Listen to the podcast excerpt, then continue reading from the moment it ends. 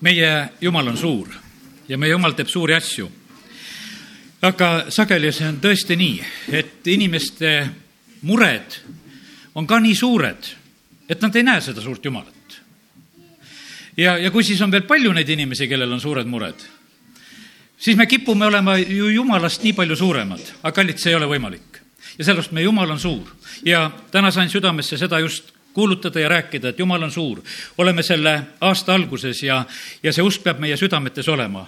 ei ole ühtegi olukorda, situatsiooni, kus me, Jumal jääks väiksemaks nendest, mis siin iganes siin selles maailmas on või mis on meie eludes või mis on meie vajadused või mis on meie tervises või, või mis on meie perekonnas. kallid, Jumal on kõigest sellest suurem ja sellepärast kiitus Jumalale. meil on vaja ainult alanduda selle Jumala ette.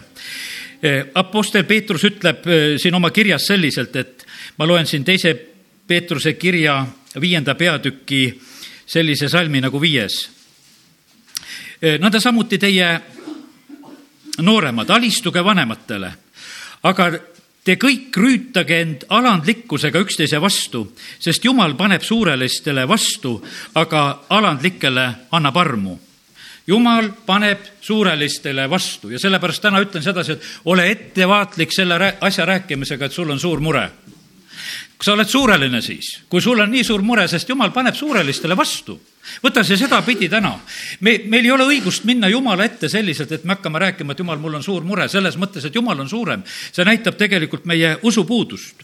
alanduge siis Jumala võimsa käe alla, et tema teid ülendaks õigel ajal. heitke kõik oma mure tema peale, sest tema peab hoolt teie eest ma usun, et mäletate Vanas Testamendis seda naist, kelle poeg oli surnud. Ja kui ta käest küsiti, et kuidas on, siis ta ütles, et hästi on ja läks jumala mehe juurde. ta ei ütelnud sedasi, et tal on mingisugune suur mure, vaid ta teadis, et tal on suur jumal, tal on jumala mees, kuhu ta läheb ja sellepärast ütles, et on hästi ja sellepärast oligi hästi, sellepärast ta sai oma poja tagasi. ja, ja on see teine lugu, kus me tegelikult vahest tahame inimestena kirjeldada ja rääkida oma murede suurust. aga selle aasta alguses tuletame meelde, me, jumal on suur, tema ette me alandume, tema võimsa käe alla alandume ja ta siis meid ülendab. Kõik oma mured saame tema peale heita ja, ja tema hoolitseb meie eest hästi teate, kui me oma muresid suureks peame, teate, mis siis tegelikult on? me oleme sellel hetkel tegelikult väga enesekesksed see on väga suur enesekesksus, kui me oma muredega tuleme selliselt lagedale. isegi me võime leida seda eh, vaga Hiopi juurest. Hiop oli väga vaga mees. Ja, niikaua, kui tal läks kõik hästi, eh, siis noh, ütleme, et tal oligi hästi, aga siis, kui tal tulid need rasked päevad kätte, siis me näeme sedasi, et ega ta Jumalat ei süüdista, aga tal on siiski palju neid küsimusi, kus ta tegelikult küsib, et miks see on, et ma olen ju süütu, miks mul on need asjad kõik tulnud? Ja, ja sellel hetkel samamoodi ta oli tegelikult nagu selle enesekesksusega tegelemas, ta oli enese peale vaatamas. võtame prohvet Joona Vanast Testamendist korraks. no ta, ta oli samamoodi üks enesekeskne inimene jumal ütleb, et mine, mine Niinevesse kuulutama. no ei taha sinna minna, sest ülesanne kuulutamiseks oli ebameeldiv. no sõnum ka ei olnud midagi erilist head ja, ja ega ta eriti seda rahvast ka üldse ei armastanud, kellele kuulutama minna ja, ja ta teeb hoopis otsuse, et ma sõidan teisele poole ta oli hästi enesekeskne selle koha pealt.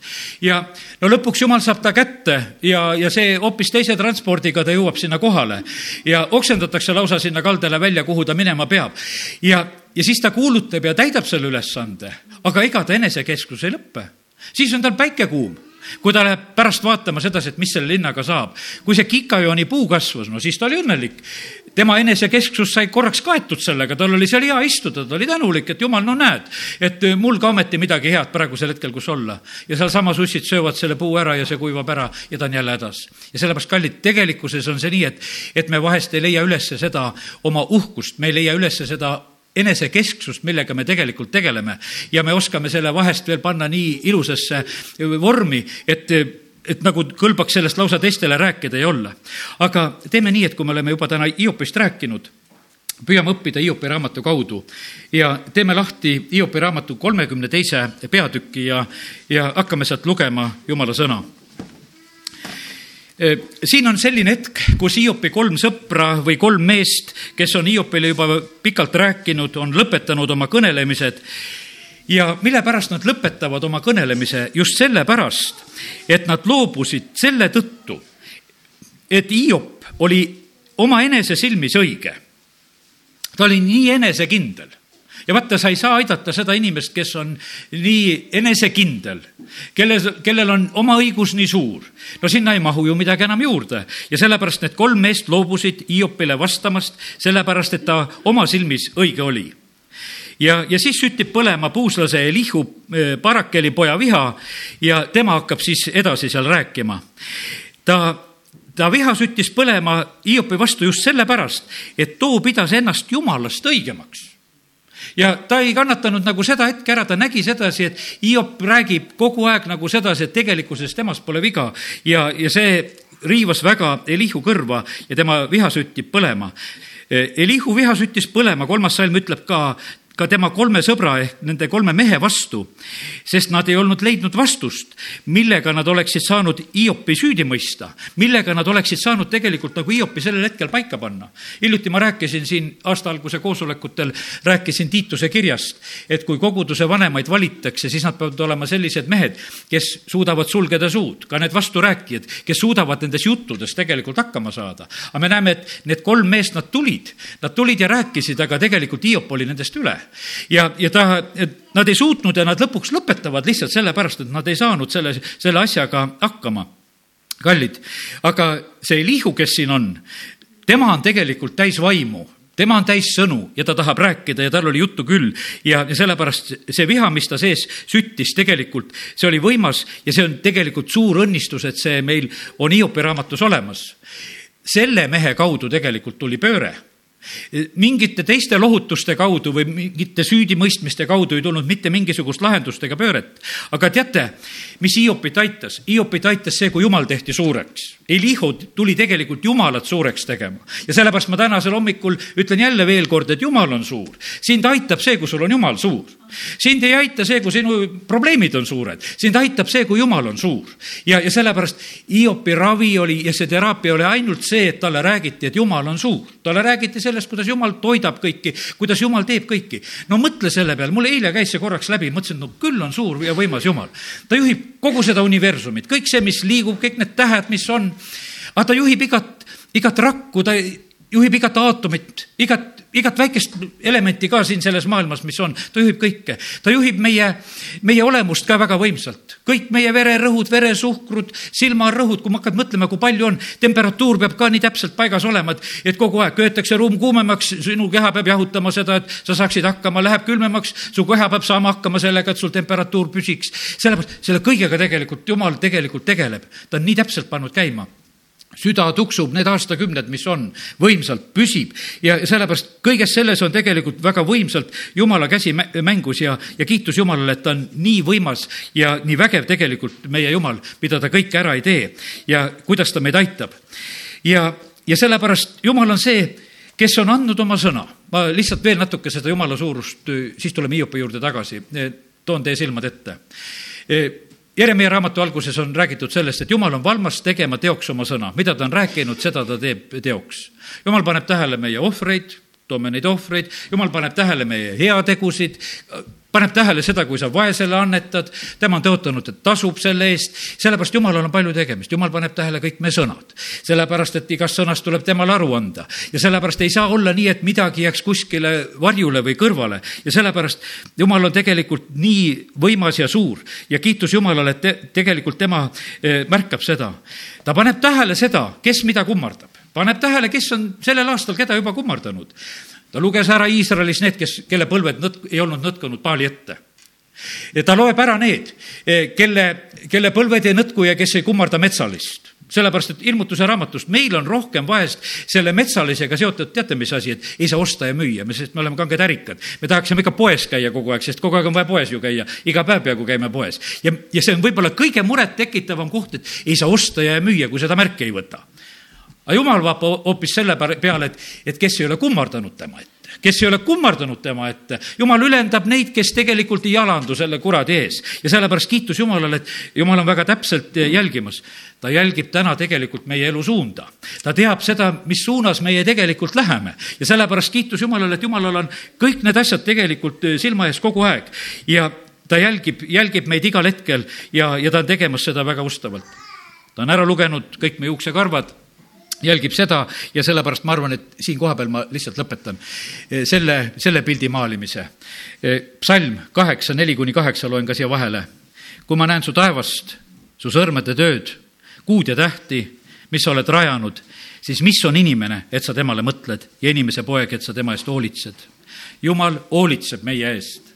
jumal hoolitseb meie eest talle läheb korda, mis sul on seljas, mis sul on jalas, talle lähevad korda need palved, kui me palvetame, otsime Jumala käest abi, talle läheb korda, kui me kõht on tühi, ta toidab kõiki. Ja kiitus Jumalale, et meil on selline Jumal. ja sa tegid ta pisut alamaks Jumalast. Ja ehtisid teda au ja austusega, sa seadsid ta valitsema oma kätetööd, sa panid tema jalge alla kõik lambad, kitsed, härjad, kõik metsloomad samuti. ja sellepärast ütlen nagu õpetuseks siia vahele no siin nädala sees oli mulle lihtsalt üks selline küsimus ja, ja kasutan seda, andke andeks. et eh, lihtsalt, et ühte kohta tuleb tsirkus, et kas on halb või hea ja sellepärast, et me elame praegusel hetkel sellel ajal, kus tegelikult on niimoodi, et igasugused loomakaitsjad võitlevad, et umbes, et loomadega ei tohi tsirkust teha lugege, mis Jakobuse kirjas on öeldud, et keelt sa ei suuda taltsutada, aga nende loomade jõu sa taltsutad ja sellepärast olge väga õnnistatud kõik, kes te tsirkust teete. sellega ei tee mitte midagi kurja. Te lihtsalt näitate meile sedasi, et Jakobuse kiri läheb täide. me, meid on pandud valitsema loomasid ja sellepärast kõik need karusnahkade vastu võitlejad ja asjad. jumal oli esimene, kes võttis loomal maha, naha maha ja tegi inimesele riided selga ja sellepärast kandke julgesti nahkrõivaid, sest see, selles ei ole mitte mingisugune küsimus. see on selle aja tagurpidi värk, sest kus iganes saab jumalale vastu minna, seal minnakse. ja, ja sellepärast, kui me jumala sõna loeme ja näeme, siis ei ole nende asjadega absoluutselt nii. nii et, aga me elame nii tagurpidi pööratud maailmas, et meile tundub, et see on õige. ja need karusloomakaitsjad siis võtavad ennast alasti ja protestivad tänaval. vaata, seal nad teevad valesti. et, et nad selliselt käituvad ja teevad. ja, ja sellepärast, kallid, lihtsalt siukse vahelepõige jumal on pannud meid tegelikult oma kätetööd valitsema, ta pani kõik meie jalgade alla. lambad, kitsed, härjad, samuti ka kõik metsloomad no kiitus Jumalale, et jahimehed teevad siin loomadele jõulupuhkust, ütlevad, et jõuluajal ei lase teid ka, aga, aga siis lasevad jälle edasi. ja see huntide norm lastakse siin Eestimaal jälle täis ja kiitus Jumalale selle eest, et Jumal on tegelikult andnud meile selle positsiooni asja. aga lähme nüüd Elihu juurde võtame selle abi vastu ka iseendile, mida ta andis tegelikult sellel hetkel eh, siis Hiobile. ja kolmkümmend kaks peatükki ja jätkame sealt. neljas salm, ma juhin siit veel tähelepanu.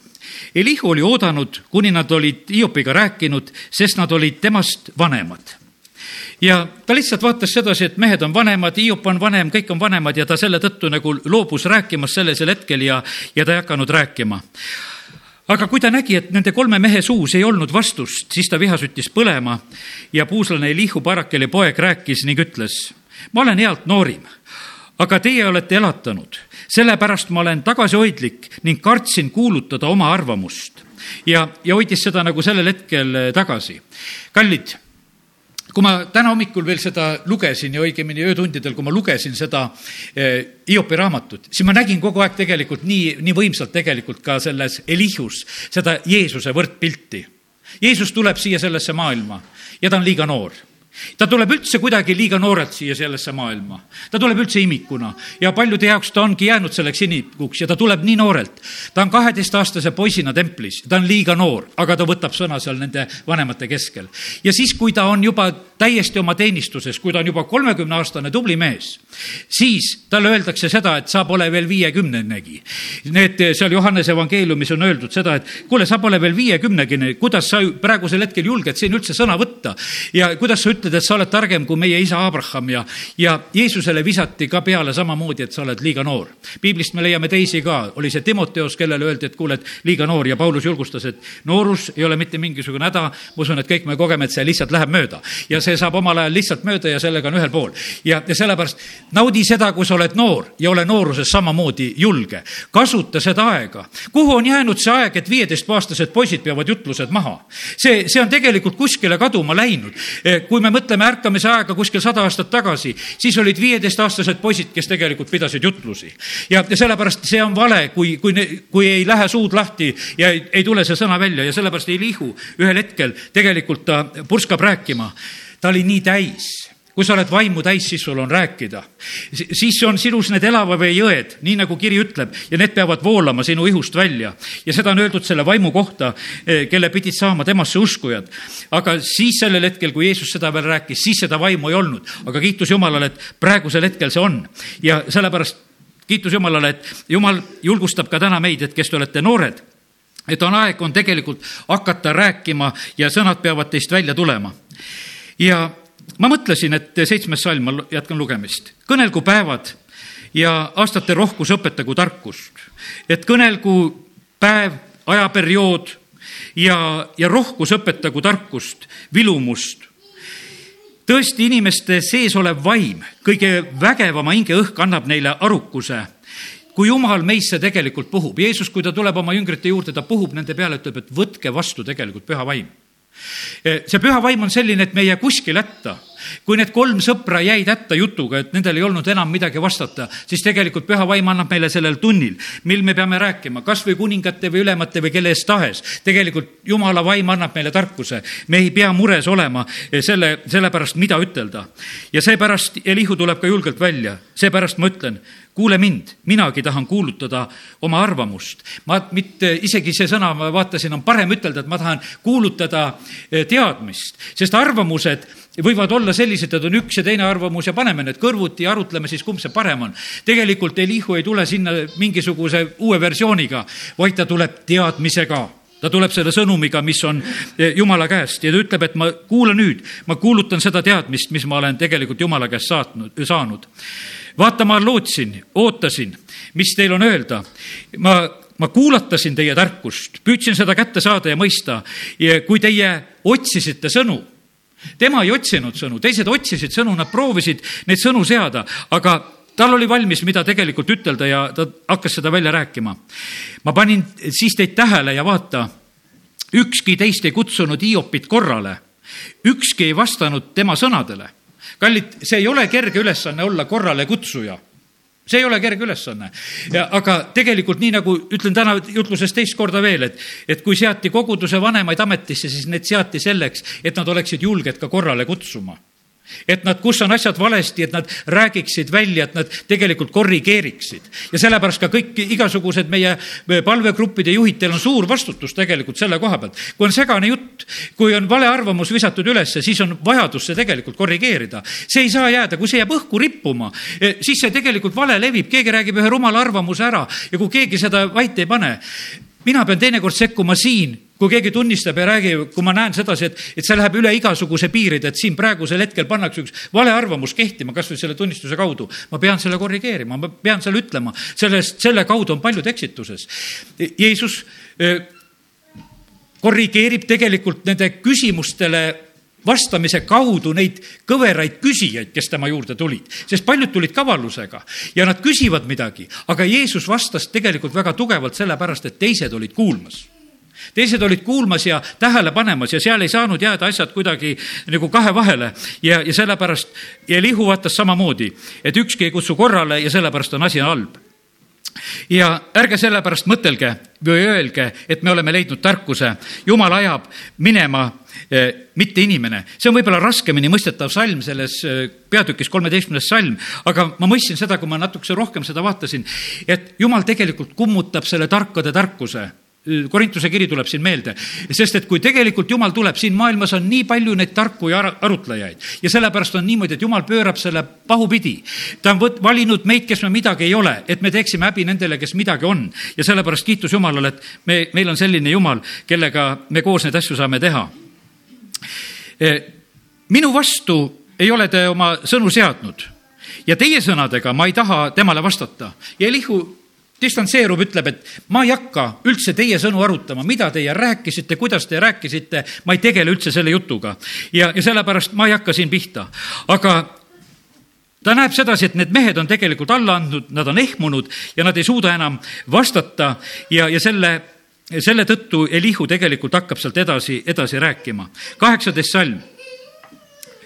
sest ma olen täis sõnu vaim mu sees sunnib mind. vaata, mu sees on nagu vein, millel puudub väljapääs, otse kui uus nahkkast ja see on lõhkemas. ma pean rääkima, et saada enesele õhku, pean avama huuled ja vastama. no kes tuleb meelde? kes oli vaimu täis, Luuka neli, kui Jeesus läheb Natsaretti? ta oli seal tegelikult nii vaimu täis. minu peal on see võitmine, ta tuleb kõrbest tagasi, ta oli täis vaimu kes räägib meile nendest uutest äh, nahklähkritest? Jeesus räägib nendest asjadest. kui on uus, tuleb valada uut. Ja sellepärast, kallid, oleme sellepärast Jumala ees, et meie nahklähker siin selles paigas, ma mõtlen koguduse näol, ei läheks selliseks kõvaks, et Jumal ei saaks siia valada uut. Sellepärast, et kui see läheb selliseks kõvaks ja jäigaks, kus midagi enam muud teha ei saa, siis tegelikult ta ei saa uut valida, siis ta kallabki kuskile mujale, ta kallab lihtsalt kõrvale, ta teeb uue pehme, kuhu saab panna sellise surve all sisse, nagu on vaja, las käärib seal sees, las olla võimsalt seal sees. Ja sellepärast, kallid, eh, see on oht, sellepärast on palju uusi kogudusi, sest osad on kivistunud ja jäävad sinna. Ja sellepärast meie asi on tegelikult olla, paluda Jumalat, et meie nahklähvid ei läheks kõvaks. me ei taha olla need jebuuslased, kes seal otsisid mingisugused vanad kuivanud leivatükid ja vanad nahklähvid üles ja ütlevad, et me tulime kaugelt, et meil on väga vana usk ja, ja me oleme üldse juba ei tea, mis, mis ajast saadik. mõni, mõni on ütelnud ju lausa seda, et Luteri usk on maailma loomisest saadik, mis siis, et Luter viissada aastat tagasi elas. aga inimesed panevad niimoodi mööda, et me tulime nii kaugelt, et meie usk on nii võimas ja vägev ja, ja sellepärast eksitakse nende asjadega ja selle sellepärast, kallid, nii see on, et ärme teeme oma usku mingisuguseks vanaks. jumal on tegelikult, kes teeb uut. jumal tahab, et me läheksime usust usku ja, ja sellepärast on niimoodi, et olgu meis seda paindlikkust, seda värskust ja sellepärast nii vaata nagu see vein, millel puudub väljapääs, otse kui uus nahk, äh, astja on see lõhkemas ja ma pean rääkima, see peab välja tulema. ja kakskümmend üks salm ta ütleb, et äh, ma ei taha olla nüüd erapoolik ma ei taha niimoodi rääkida, et, et ma vaatan selle peale, kellele ma räägin. Ma ei tea, kas ta pani silmad kinni sellel hetkel, kui ta Hiopi peale vaatas, sellepärast et tegelikult Hiop oli ju väga rikas mees, Hiop oli väga auväärne mees, ta oli väga kuulus mees. Ja nüüd on selline, selline kuulsus ja sa oled üks noor mees. Ja, ja ma pean rääkima välja kõik sõnad, et see tema positsioon, mis tal elus on olnud, et see kuidagi ei paneks mind kokutama ja et ma ei räägiks midagi vähem. ja sellepärast ta ütleb sedasi, ma ei taha nüüd olla erapoolik, et kedagi meelitada. ma ei vaata inimese peale sellel hetkel, ma ei hakka praegusel hetkel midagi muud rääkima, ma pean need kõik need sõnad välja rääkima. kallid, see on meie jumala sõna kuulutajate asi kogu aeg praegusel hetkel, et, et meil oleks julgus välja rääkida. üks kirikuõpetaja nüüd siin, siin Vabaduse selle sõja meeldetuletuse päeval rääkis välja oma südamest oma mõtted. meedias sai see tegelikult tugeva vastukaja, et ta julges välja ütelda, e, mille pärast Eesti sõdurid on sõdinud Vabadussõjas. ja sellepärast aga kiitus Jumalale, et on mehed, kes julgevad oma südamest ütelda tõe välja, kes ei vaata inimeste peale ja nad räägivad selle ära. ja nii oli ka Elihu, kes ütleb, et ma ei taha praegusel hetkel olla inimestest takitatud. ja teate, see nõuab tugevat keskendumist, see ei ole naljaasi. see, sest et kallid me kisume vahest üksteist maha, ma olen ise vahest ka oma suu pannud kinni, kui keegi teine läheb kuulutama või rääkima, ütlen, ma ei ütle ühtegi kommentaari, sellepärast et see minu kommentaar, kui see, ammugi kui see ei ole julgustav kui ma kisun maha, kui mul julgustust ei ole ütelda, siis parem pea suu kinni. ja kui sul on üks julgustuse sõna teisele ütelda, siis sa seda võid ütelda, kui keegi on välja kuulutama minemas, et ta teeks seda veel võimsamalt ja vägevamalt. ja, aga Elihu sellel hetkel ta on nii üksi, aga ta kinnitab ennast Jumalas ja, ja sellepärast kakskümmend kaks salm ta ütleb, sest ma ei või meeldida kui kergesti või ma ei või meelitada, vabandust, kui kergesti võiks looja mind ära võtta, kui kergesti tegelikult Jumal võiks mind lihtsalt ära koristada, kui ma ei ole temale kuulekas, kui ma ei tee tema tahet. Ja ta võtab seda oma ülesannet väga tõsiselt. ta ütleb seda, et sõnad tulevad õiglasest südamest, lähme kolmkümmend kolm peatükk, vaatame seda ka. aga kuule nüüd ometi, Hiop, mu kõnet, pane tähele kõiki mu sõnu, vaata, ma oman nüüd oma suu, mu keel e, suulaes kõneleb, mu sõnad tulevad õiglasest südamest ja mu huuled kuulutavad selgesti, sest ma tean sest ma tean, kellesse ma usun. Ja sellepärast, kallid, meil peab olema julgus kõnelda ja rääkida seda, mida Jumal on tegelikult meile andnud. siin on nagu inimese loomisest juttu, Jumala vaim on mind loonud. Me, kes me oleme ka vaimust sündinud praegusel ajal, kõige vägevama hingeõhk on andnud mulle elu. See oli loomishetkel, kui jumal puhub inimesesse seda hingeõhku ja ja nüüd on nii, et kui sa suudad, siis vasta mulle, sea ennast valmis, astu ette. vaata, jumala ees olen mina samasugune kui sina, savist olen minagi voolitud. ja, ja sellepärast ta tegelikult ütleb Hiopile sedasi, et ma olen samasugune inimene ära, ära võta mind teistsugusena. ma olen samasugune inimene, ma ei püüa sind hirmutada ja kallid, meie, kes me oleme samamoodi ka, kui me oleme jumala sõna kuulutamas sellel aastal, mitte kunagi hirmutamise kaudu. ja, ja see on, see on väga õrn piir tegelikult, kui sa kutsud vahest inimesi päästmisele ja ikka aeg-ajalt tuleb see lihtsalt meie ette, kus on niimoodi, et sa näed, et tegelikult peaks inimest kutsuma, et kuule, tee päästepalve ära. ja selles ei tohi tegelikult olla sundi, sellest peab jääma see, et, et jumal saaks teda kutsuda, et, et isa teda tõmbaks, sellepärast mis on sellest kasu, kui see tuleb ühe mingisuguse hirmutamise ja, ja ähvarduse all, võib-olla vahest on, kus on väga eh, noh, ütleme radikaalselt vaja sellel hetkel ka sekkuda. aga kallid, me näeme sedasi, et sellel hetkel Elihu püüab nii rääkida, et ta ei rikuks ära jumala rääkimist. ta ütleb, et ma ei taha mitte mingisugust survet praegusel hetkel avaldada. survet avaldab väga selgesti kurat. ma usun sedasi, et me oleme neid survehetki talunud, kui palju. saad kellegagi kokku, no surve tuleb kohe seal ei ole vaja midagi küsidagi, surve tuleb kõigepealt ja siis tulevad sõnad. ja sellepärast see on nii, et lase kedagi vahest autosse sisse ja vaata, et kuule, paksuks läks siin, et katsu siin olla veel. sellepärast, et noh, keegi tuli oma surve ja, ja õnnetusega lihtsalt kohale, mis tal on tegelikult kanda. ja sellepärast Jumal on meid tegelikult vabadusse päästnud ja, ja sellepärast ütleb Hiop väga selgelt või Hiopile väga selgelt, vaata hirm minu ees ei saa kohutada sind, minu surve ei ole sulle raske. Ja sellepärast kiitus Jumalale, et me Jeesus samamoodi siin selles maailmas, ta ei surunud mitte kedagi. ta kuulutas väga teravalt, aga järgida said kõik tegelikult väga vabatahtlikult. Ära minna said kõik väga vabatahtlikult, mitte kellegi peal ei olnud survet. Ja sellepärast meie ei tohi seda eh, samamoodi teha. see oli nagu üks selline sissejuhatuse osa, kuidas eh, Elihu siis läheneb Hiopile. nüüd tuleb esimene väide millest ta hakkab äh, nagu rääkima Hiopiga. ta ütles, et üheksas salm Hiopi väite peale nagu ütleb, et Hiop ütleb sedasi, et mina olen puhas, mul, mina pole üle astunud, ma olen laitmatu, mul pole süüd vaata, tema, ta leiab mu vastu põhjusi, peab mind oma vaenlaseks, ta pistab mu jalad pakku ja valvab kõiki mu radu. Nonii, eks nii nagu täna ütlesime, jumal teab kõiki meie teid. salm sada kolmkümmend üheksa räägib, jumal teab, millal me üles tõuseme ja millal me magama läheme, jumal teab kõiki meie puhkusi no mille pärast ta peabki teadma, ta tahab meile vahepeal unes näidata ja, ja sellepärast on nii, et küll on vaja vahepeal lülitada unenäod sisse ja, ja kui oled üleval, siis tuleb teistmoodi rääkida, et tõsta oma silmad ja vaata, mida ma kõik olen loonud. jumal on kõike nagu seda tegelikult eh, jälgimas ja vaatamas ja, ja sellepärast siin samamoodi nüüd eh, mõni asi on nagu õige, et jumal valvab kõiki mu radu, kogu aeg paneb tähele. aga mina olen puhas. no kallid, see on nüüd täiesti selge ei ole mitte keegi, kes on puhas. ja, ja kui nüüd minna Jumala ette, siis ei olegi teist võimalust, kõik tegelikult Jeesuse vere kaudu pääsevad sinna. ja sellepärast ei Vana-testamendi aegsed pühad, ei, ei Uue Testamendi aegsed pääsenud, mitte keegi, ainult Jeesuse veri on meile selleks teeks ja, ja see on see lahendus, see katab kinni kõik ja sellepärast on see võimalus meil olemas. aga ta ütleb sedasi, et mina olen puhas. E, teate, mis see tähendab, kui ta ütleb sedasi, et ma olen puhas, pole üle astunud?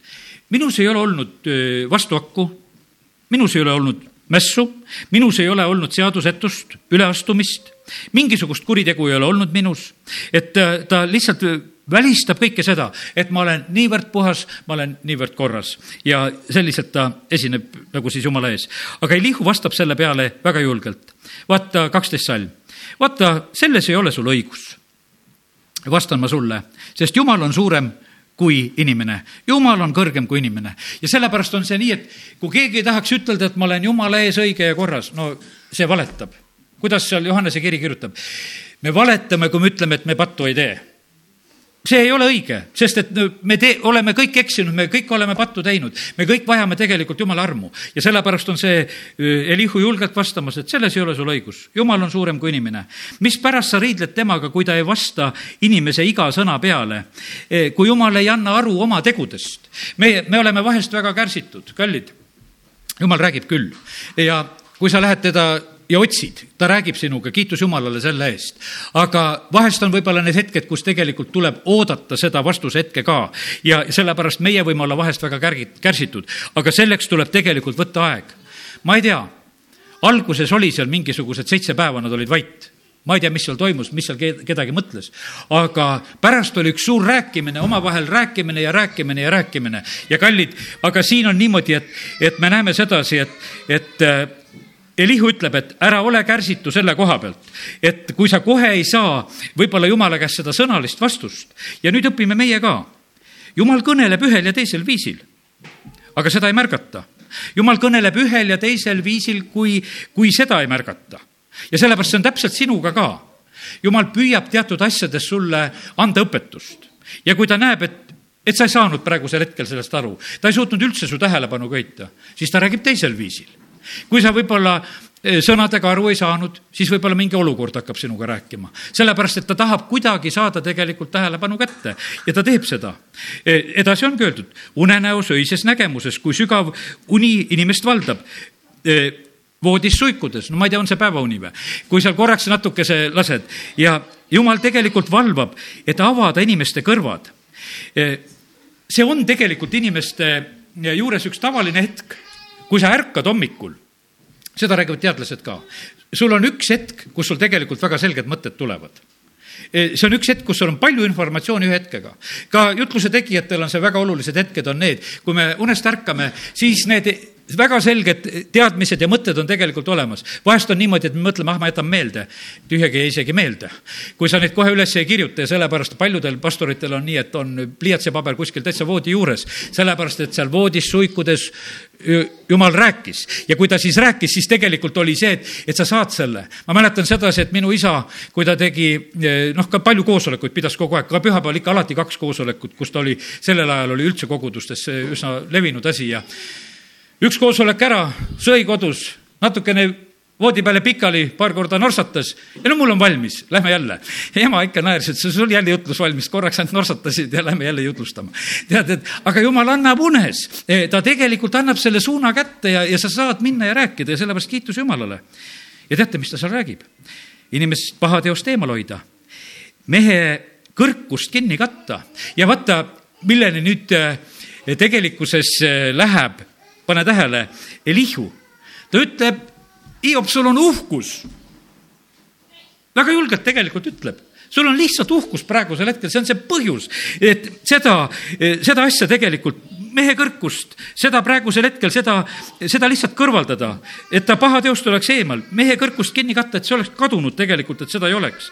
et säästa tema hinge hauast, tema elu odaotsa jooksmast, tema eh, elu mõõgast ka manitsetakse teda läbi valu voodis, kestva vaev, vaevusega kontides, siis muutub vastikuks ta elule leib, hingele maiusroog, ta ihu kõhetub nähtamatuks. ta luud, mida ei olnud näha, paljastuvad ja tegelikult see käib nii kähku. kui kaua peab üks inimene olema tegelikult sellises haigushetkes? sulle piisab vahest nädalast, paarist ja sa oled hoopis täiesti teine. niisugune et igaüks vaatab otsa, kuule, et haige, mis haige, sest midagi hakkab paljastuma. nõnda ligineb ta hing hauale ja elu sellele, mis toob surma. aga tema jaoks on ingel see saadik, eestkostja, üks tuhandest, kes kuulutab inimesele, mis on tema kohus, siis jumal alastab tema peale ning ütleb, vabasta tema hauda minekust, sest ma olen lunarahu, lunaraha saanud. ja kallid, tegelikult on nii, et Jeesus tuli kuulutama siia sellesse maailma seda teed, tõde ja elu ta tuli näitama meile seda sirget teed siin Hiopile öeldakse sedasi, et ta kuulutab inimesele, mis on kohus. ta kuulutab inimesele sirget ehk õiget teed. ja lunaraha olen saanud. kes on meie lunastaja? kiitus Jumalale, Jeesus on meie lunastaja ja ta on meie lunaraha tegelikult saanud ja selle tõttu tegelikult meie ihu muutub nooreks, noorus värskeks. See pöördub tagasi nooruspäevadesse see on nii palju sündinud asi ja see sünnib praegusel ajal veel suuremini, sellepärast et nüüd on lisaks alkohoolikutele narkomaanid ja need inimvared tegelikult, keda kantakse, need on nii paljud tegelikult uuele elule ärkanud, uus noorus. me ei usu paljusid neid tegelikult, need on praegusel hetkel suur, suuri liikumisi juhtimas, võimsaid töid tegemas tegelikkuses ja, ja nad on tulnud tegelikult täitsa sellisest olukorrast, kus elud on läbi, kus tervised on läbi ja sellepärast kiitus Jumalale, et Jumal seda teeb teeb ja me ei usuks sedasi, et see on nendega olnud aga meil on lunastaja ja kui tema meid lunastab, ta on lunaraha saanud, siis ihu muutub noorus värskeks, pöördub tagasi nooruspäevadesse. Need hakkavad palvetama, kakskümmend kuus salm, ta palvetab Jumala poole. sellel on temast hea meel, Jumalal on hea meel, kui meie palvetame. ta saab hõisates näha tema palet ja ta annab inimesele tagasi tema õiguse. kadunud poeg tuleb samamoodi. pidu pannakse käima, õigused saab tagasi ja ta laulab inimeste ees ja ütleb, ma tegin pattu ja väänasin õigust, aga selle eest ei tasutatud, tasutud mulle kätte. see on uuesti sündinute laul. kallid, üldse on laulud need, kes on Jumala abi saanud. Mooses laulab oma võidulaulud sellel hetkel, kui tegelikult võidud tulevad kätte. Taavetil on laulud, kiitus Jumalale, kõik tegelikult, kes võidavad, laulavad uue Testamendi pühad laulavad, meil on kogu aeg sellepärast uusi laule, sellepärast et tegelikult Jumal annab neid. Neid tuleb järjest, sellepärast aastast aastasse see lauluvara on üks muutuvamaid asju tegelikult, mis ma mõtlen, olnud terve selle usuelu jooksul lapsepõlvest saadik, mis on olnud, sest et laule tuleb järjest ja järjest, sest Jumal annab, sest nad laulavad, kui inimesed saavad päästetud ja sellepärast kiitus Jumalale. Ja nii, nii on see täpselt, Hiopile see samamoodi jutt ja tema lunastas mu hinge hauda minekust. E, mu elu saab valgust näha, vaata, seda teeb kõike Jumala inimesele kaks-kolm korda, et tema hinge hauast tagasi tuua, valgustada teda eluvalgusega ja, ja sellepärast me ei tea vahest, millega inimesed mängivad. mitu korda ei ole tark tegelikult mängida, parem tuleb esimesel korral sellest hauast tagasi, kus, kus e, kutsutakse ja see kolmkümmend kolm peatükk, kolmkümmend kolm salm ütleb veel. Aga kui mitte, siis kuule sina mind, vaiki, siis ma õpetan sulle. teate, heebrea keeles on need salmid kõik palju lühemad. seal on niimoodi umbes, et kuule, et Hiop, vaiki ja kuule. Need on kaks käsku seal põhimõtteliselt seal on. ole, ole praegusel hetkel kuulmas ja ole vait lihtsalt. ja sul ei ole rohkem midagi vaja. ja sest, et heebrea keel, seal on niimoodi, et ei ole nende täishäälikutega seal pistmist, sellepärast et on ilma selleta hakkama saadud ja tegelikult saadakse palju vähemate sõnadega hakkama ja öeldakse see mõte edasi. ja sellepärast see on väga täpne ja terav ütlemine vaiki ja kuule. ja Elihu jätkab ja, ja räägib nendest asjadest. kolmekümne neljandast peatükist ma võtan ainult siin mõne niisuguse koha, mis mulle on silma jäänud. ja ma võtan siit kümnendast salmist. Seepärast kuulge, mõistlikud mehed, kaugel on jumalast õelus või mitteõigus, jumal ei tee kunagi ülekohut. kõige vägevamast ülekohtu tegu, mitte õiglane kohus. sest inimese tegu mööda ta tasub temale, nõnda nagu kellegi tee, nõnda temale antakse jah, tõesti, Jumal ei tee ülekohut ja kõige vägevam ei vääna õigust. kes on temale usaldanud maa, kes on loonud kogu maailma? kui ta iseenesesse tõmbuks, oma vaimu ja hingehu tagasi võtaks, siis heidaks kõik liha üheskoos hinge ja inimene saaks jälle põrmuks. jumal on väga õiglane, jumal teeb tegelikult meie tegude järgi. E, juhtusin siin kuulma ühte pastor Muntiani jutlust, kus ta rääkis e, enda elust, see oli e, selline lugu, kus ta rääkis just nagu patu koha pealt, et patuga tuleb asjad korda saada, et patt on tegelikult väga suur takistus elus. ja ta ütles, et, et kui ta oli ma ei mäleta, kas ta oli kaheksateist või kus ta seal, kus ta päästetud juba sai, aga tal oli mitmed aastad ennem, kus ta oli juba seal, ütleme, kolmteist oli esimene, kus ta juba kohtu all oli ja, ja varastamiste asjadega oli vahel ja, ja, ja siis oli niimoodi, et siis, kus juba vanglasse pandi, alguses oli mingisuguses noh, õppeasutuses, kus need ulakad poisid pandi, siis ta ütles, et vangla oli nagu lasteaed selle kooli kõrval, kus ta oli ja, ja rääkis lihtsalt oma asjadest. ütles, et ja korduvalt ja korduvalt ta sattus nagu sellisesse olukorda.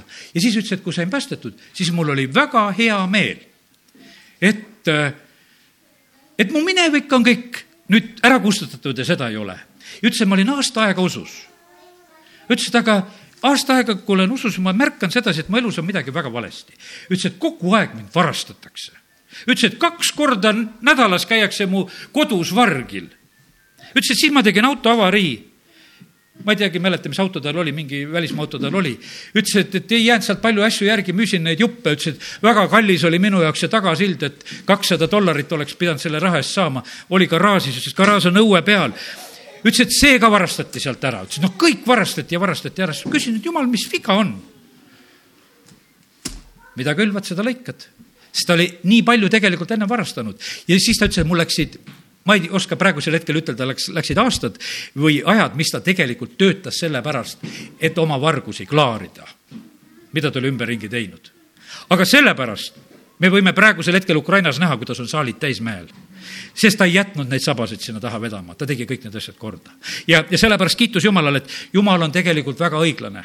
ja sellepärast me vahest tahaksime niimoodi ka, et me tahaksime niimoodi, et meie ütleme, et Jumala sõna ütleb, et midagi ei ole. ei, me näeme sedasi, et on Sakjus ütleb, et kellel olen ülekohut teinud neljakordselt maksan tagasi, teen asju korda ka.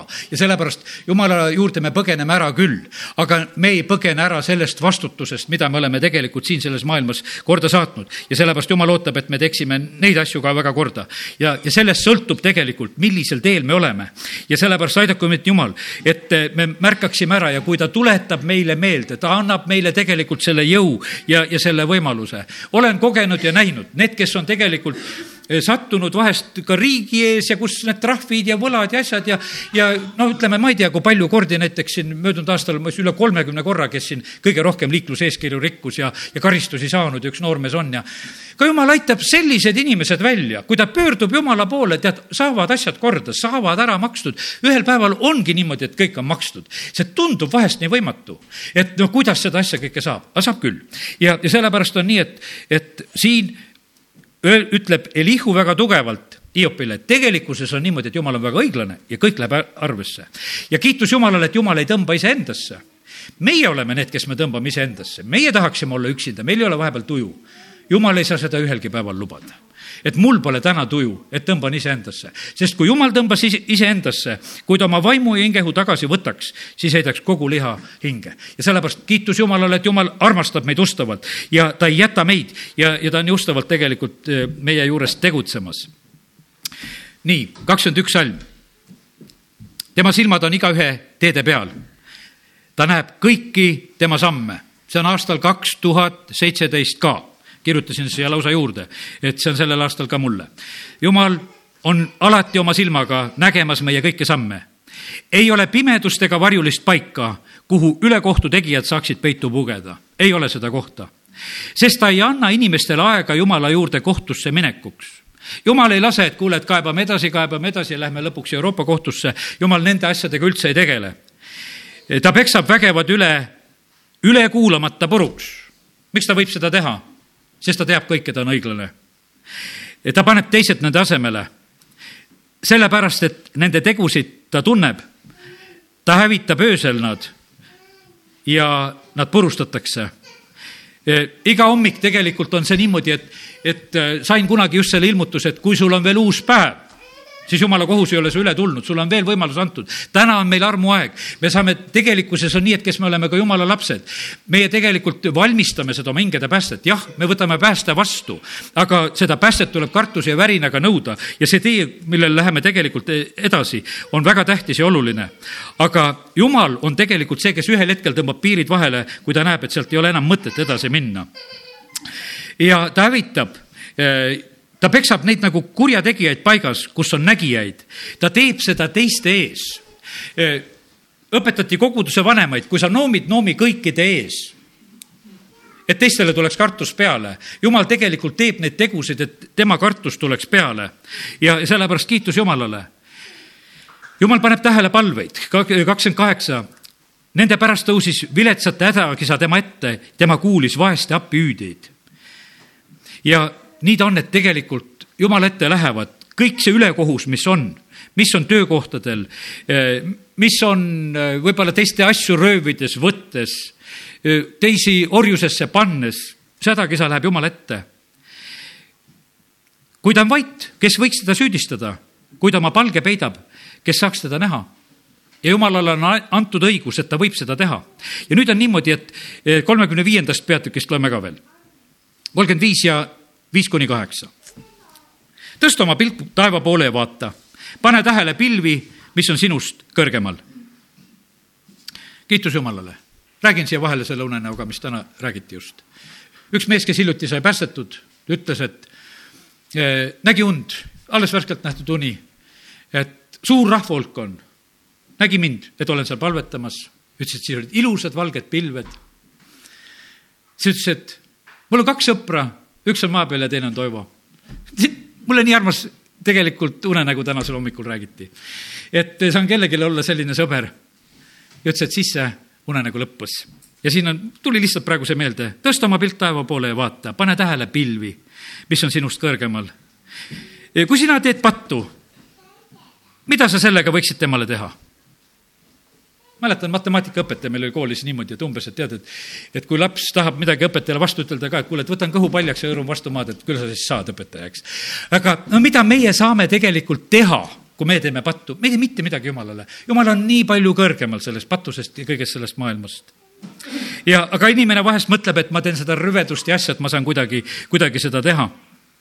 ja, aga siin öeldakse väga selgelt. ja kui sinu üleastumisi on palju, mida sa nendega tema vastu võiksid korda saata? ja siis on otse vastupidi. kui sa oled õige, mida sa võiksid temale anda osad on jälle niimoodi, et, et pakuvad oma õigust, et jumal, võta minu õigus, vaata kui õige ma olen, vaata, mida ma olen teinud, ma maksan kõike, teen kõike, ma olen igavesti hea. aga kui sa oled ka õige, mida sa võiksid anda? või mida tal olekski võtta sinu käest? su, su ülekohus mõjutab vaid sinusugust meest ja su õiglus inimlast. Ja sellepärast kõik, mida sa teed, sa teed tegelikult iseendale.